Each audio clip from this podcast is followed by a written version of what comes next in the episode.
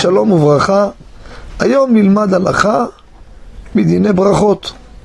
כידוע, אדם עשה נסיעה בין עירונית או במקום סכנה, אם זה בין עירוני נסע 72 דקות, באותו יום, אפילו יום ולילה אחריו מצטרפים, ברך הגומל. שאלה שנשאלתי מאדם שהוא מתקרב ליהדות, אבל עדיין לא עליכם לא עלינו, חס ושלום, הוא נוסע בשבת בר מינן. והוא רוצה לבוא לברך הגומל על הנסיעה שלו בשבת. שואל אותי, מה אתה אומר? לברך או לא לברך? תכלס, הוא ניצל בנסיעה. האם מברך או לא? ואותו דבר אם יאמר תפילת הדרך, הוא בנסיעה, נכון. הוא עושה עבירה, אבל הוא רוצה להינצל, מבקש מהקדוש ברוך הוא שישמור אותו. מה ההלכה בזה?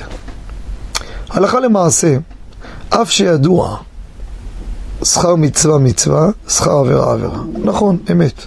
אבל יש כלל שאם המצווה באה בעבירה, מצווה הבאה בעבירה, דהיינו, שהמצווה הזו באה רק מכוח העבירה, אינה מצווה.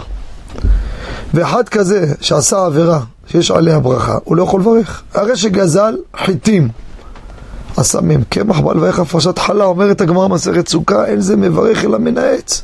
מצווה באה בעבירה. אותו דבר פה בנוסף, איך הוא יכריז בפני העשרה? יודע השם בכל לבב בסוד ישרים ועדה. אתם יודעים מה עשיתי? הגומל על מה? הוא לא מפרט, אבל הוא בעצם על נס, איזה נס נסע בשבת. זה דומה למה שפוסק מרן הר עובדיה, יש חלקו על זה. שאם אדם ניסה להתאבד, הוא לא מברך הגומל, אפילו שהוא ניצל. למה? מה הוא מכריז? שהוא עשה עבירה? לכן הלכה למעשה, לא יברך הגומל. תפילת הדרך, יברך בלי שם ומלכות, בלי להגיד שם השם אדנות, הדור. זו הלכה למעשה במקרה הזה. תודה רבה וכל טוב.